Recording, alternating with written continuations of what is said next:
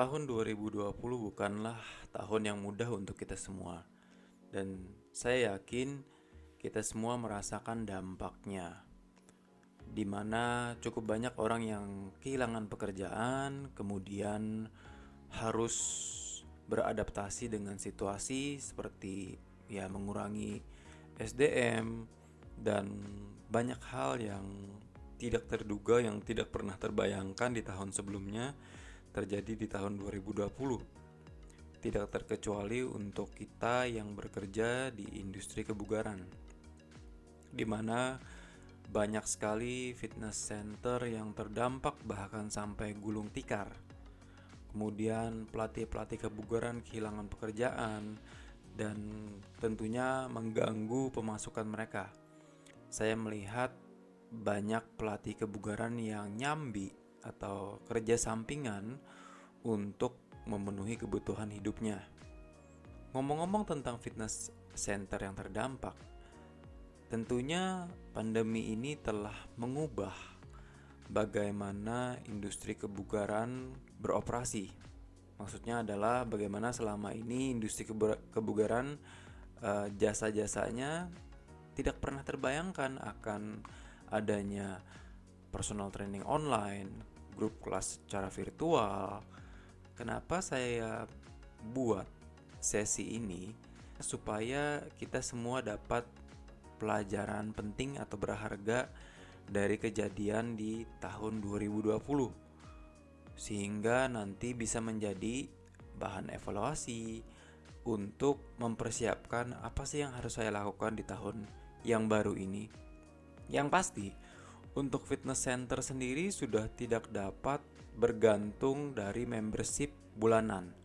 Monthly membership bukanlah income source yang baik untuk fitness center karena adanya batasan seperti jaga jarak, kemudian protokol-protokol kesehatan yang membuat banyak member yang merasa tidak nyaman untuk berlatih di pusat kebugaran sehingga akan mengurangi pemasukan dari fitness center itu sendiri. Nah, yang seperti kita lihat juga bahwa di pusat-pusat kebugaran sendiri yang terutama yang dominan ini ya yang menyediakan kelas beregu baik itu aerobik, baik itu zumba, pound fit dan sejenisnya tentunya akan sangat terganggu sekali. Jadi kalau misalnya untuk pusat kebugaran dan sanggar senam yang selama ini lebih mengedepankan grup konsep grup kelas tentunya merasa sangat terdampak sekali. Bahkan sampai detik ini di mana saya membuat podcast ini masih banyak yang harus menutup pintunya dan hanya menyediakan virtual kelas yang setelah kita lihat dalam beberapa bulan ini animo masyarakat terhadap online kelas itu sendiri tidaklah sebesar yang reguler. Ada yang ada yang berhasil, ada yang sukses, tapi sangat sangat kecil sekali apabila dibandingkan dengan yang reguler. Nah, bahkan uh, kondisi ini akan membutuhkan waktu yang cukup lama untuk bisa benar-benar pulih. Sedangkan untuk personal training sendiri tentunya dengan terganggunya operasi di pusat kebugaran juga akan mengganggu banyak personal trainer terutama yang in-house yang harus ke pusat kebugaran untuk melatih kliennya. Maka dari itu, selama pandemi ini semakin banyak home personal training yang di mana coaches atau fitness trainernya datang ke rumah kliennya itu perubahan-perubahan yang terjadi. Sebelum saya menjelaskan pelajaran penting yang dapat kita petik dari kejadian di tahun 2020 ini, saya ingin memberikan sedikit insight positif. Yang pertama adalah permintaan akan selalu ada. Mungkin satu dua bulan di saat pandemi baru terjadi, benar-benar lesu sekali. Tidak hanya industri kebugaran saja, tapi seluruh industri, terutama pariwisata ya. Kenapa saya bilang permintaan akan selalu ada? Turn out masih banyak klien yang mau untuk berlatih secara online. Baik itu personal training maupun itu grup kelas. Walaupun tidak ramai tapi the demand is there. Demandnya tetap ada. Sehingga bisa dibilang sebenarnya industri kebugaran ini uh, cukup kuat dalam ini ya dalam menghadapi cobaan seperti pandemi ini. Berita baik yang kedua adalah kehadiran fisik bukan lagi suatu keharusan. Selama ini kita merasa bahwa personal training itu harus orangnya ketemu atau kehadiran fisiknya harus ada. Turn out ada yang namanya online personal training dan cukup banyak yang merasakan manfaatnya dari online personal training baik dari pelatih kebugarannya maupun dari kliennya. Nah, dari pelatih kebugarannya tentunya mereka tidak harus bermacet-macet lagi, meluangkan waktu untuk traveling dari distance A dari rumahnya atau ke rumah klien, distance A ke distance B ya. Jadi menghemat waktu. Transport juga biayanya juga pastinya. Kemudian Anda bisa melatih uh, dari mana saja bahkan kliennya mau di kota yang lain, mau di negara yang lain, masih bisa melatih klien. Nah, good news yang ketiga adalah home gym meningkat. Artinya pemilik gym yang room yang di membeli alat untuk di rumah itu semakin meningkat. Kesadaran masyarakat untuk hidup sehat sudah sangat tinggi ya karena adanya pandemi ini, mereka semakin sadar bahwa hidup sehat itu adalah kebutuhan. Jadi, dapat diprediksikan sendiri sebenarnya industri kebugaran pun mengalami peningkatan. Hanya saja karena masih banyak yang masyarakat yang takut untuk keluar karena masih pandemi juga ya, sehingga kesannya menurun. Padahal trennya meningkat. Meningkat dalam artian ini ya, animo masyarakat untuk hidup sehat mungkin secara sales, secara uh, market growth-nya masih belum, tapi saya yakin akan shifting, akan akan meningkat, shifting ke arah yang lebih baik. Mungkin kalau misalnya kita ibaratkan contohlah seperti toko-toko uh, yang ada di kalau misalnya di Jakarta yang seperti di Glodok misalnya. Yaitu toko-toko yang ada bentuk fisiknya kemudian digantikan oleh seperti aplikasi Tokopedia di mana sebenarnya market growth-nya tetap berkembang cuman cara belinya atau platformnya berubah. Kenapa saya olah analogi ini supaya teman-teman yang mendengarkan bisa melihat bahwa sebenarnya market growth-nya berkembang. Cuman shifting saja platformnya.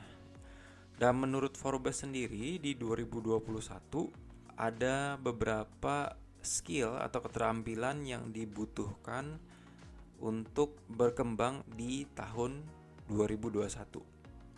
Ada 10 nih. Ada growth mindset. Jadi memiliki mindset untuk terus berkembang. Critical thinking, resilience, dedication, comfort with ambiguity. Artinya dapat melihat perbedaan. Kemudian continuous learning, memiliki survival skill yang tinggi. Flexibility artinya tidak rigid ya. Tidak kaku. Kemudian coaching mindset artinya kita mau terus berkembang dan kita juga uh, mau memberikan edukasi kepada klien kita seperti coach lah layaknya and thriving in virtual environment. Dari semua ini yang ingin saya garis bawahi adalah thriving in virtual environment Artinya, kita harus mampu memanfaatkan fasilitas virtual.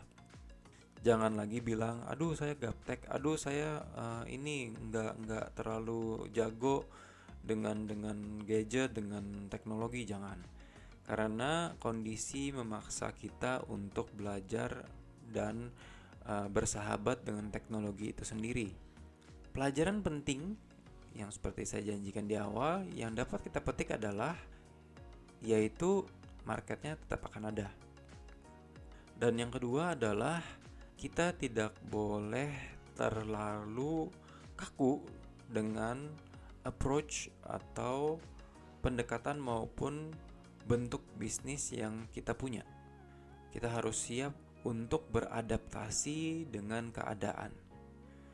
Jangan ragu mengubah jenis jasa kamu kalau dirasa sudah tidak efektif lagi.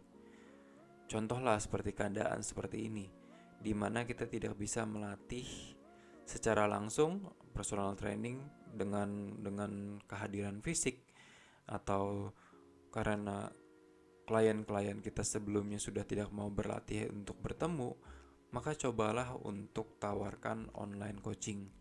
Nah, itu pelajaran pentingnya, yaitu tidak boleh kaku terhadap apa yang kita ketahui paling efektif atau paling oke okay selama ini.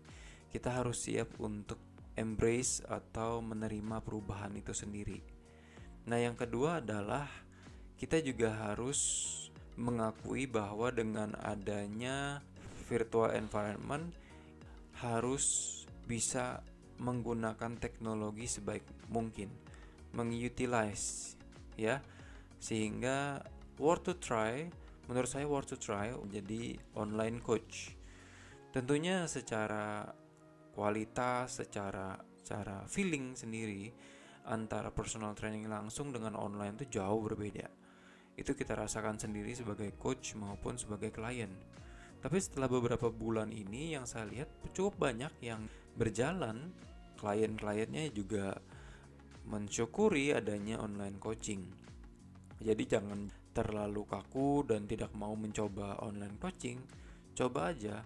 Karena pelajaran penting yang dapat kita petik adalah bahwa klien sendiri ada yang siap untuk beralih ke virtual training gitu.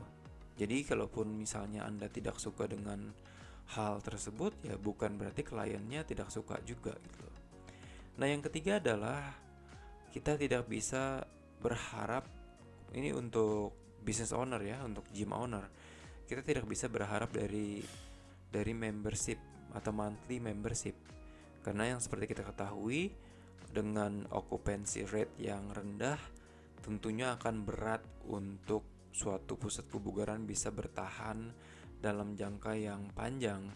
Dan kita tidak tahu sampai kapan pandemi ini akan berakhir ada baiknya untuk mengubah approach mengubah jenis jasa. Mungkin bisa dengan menambahkan personal atau menekankan personal training menyediakan jasa-jasa online juga bisa.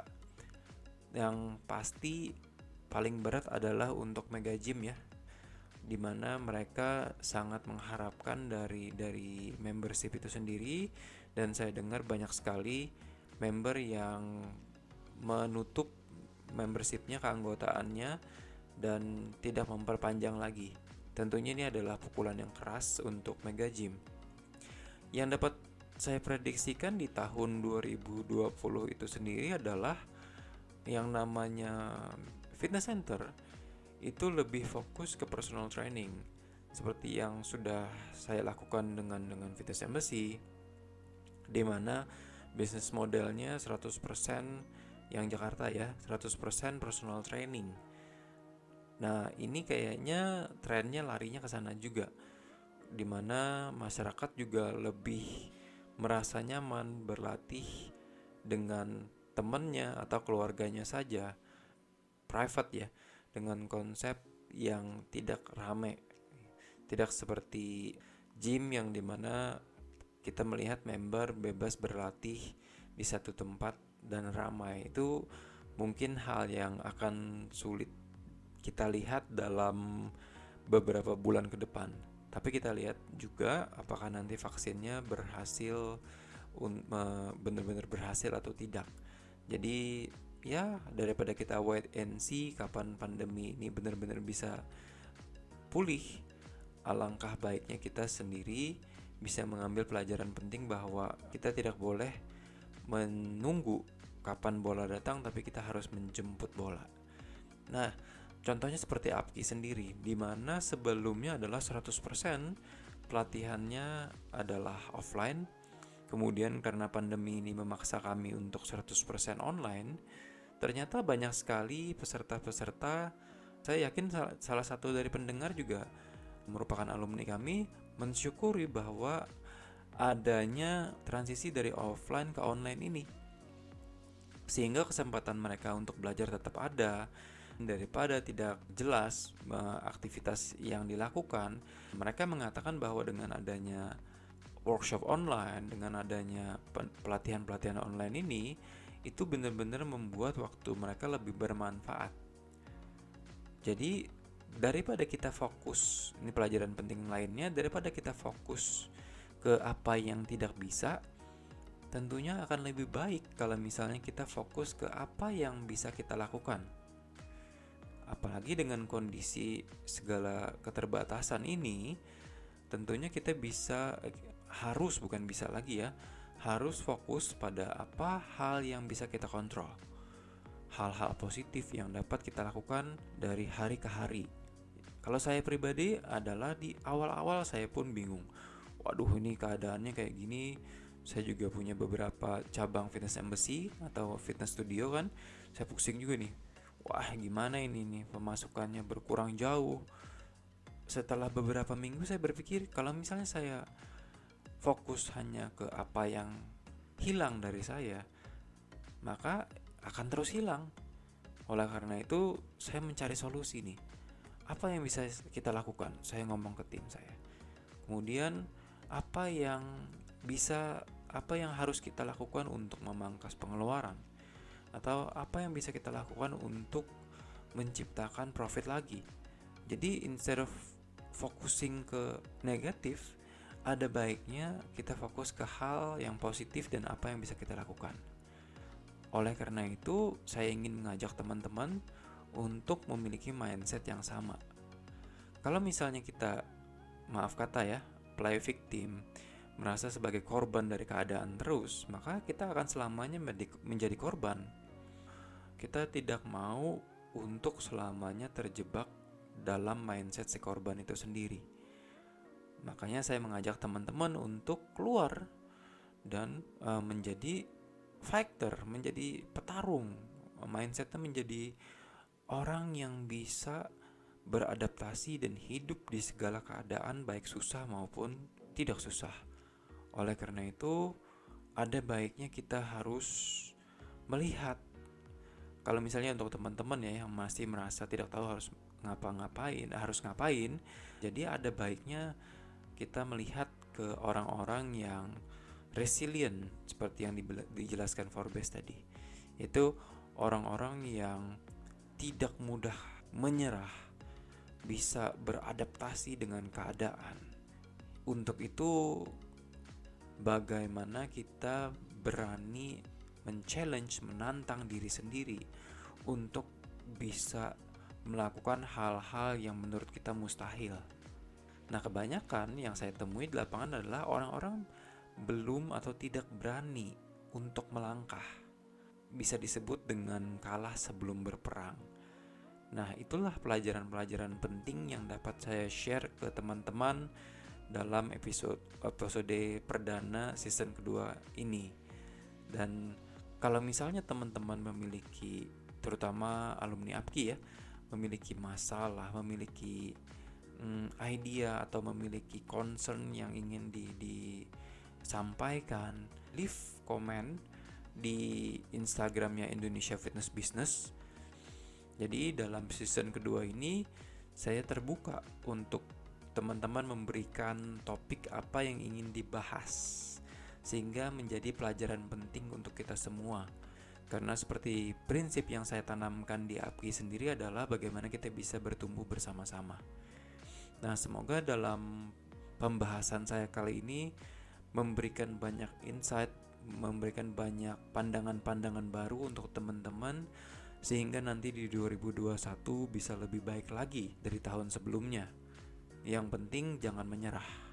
Untuk menutup sesi hari ini, saya hanya ingin mengutip salah satu quote yang cukup populer. It's not the strongest that will survive tapi the most adaptable. Artinya adalah kalau nggak salah itu dari Darwin ya. Jadi bukan yang paling kuat yang bisa survive dengan keadaan, tapi yang mampu beradaptasi dengan keadaan. Sampai di sini episode untuk uh, perdananya season kedua. Sampai jumpa di lain kesempatan. Semoga sukses teman-teman.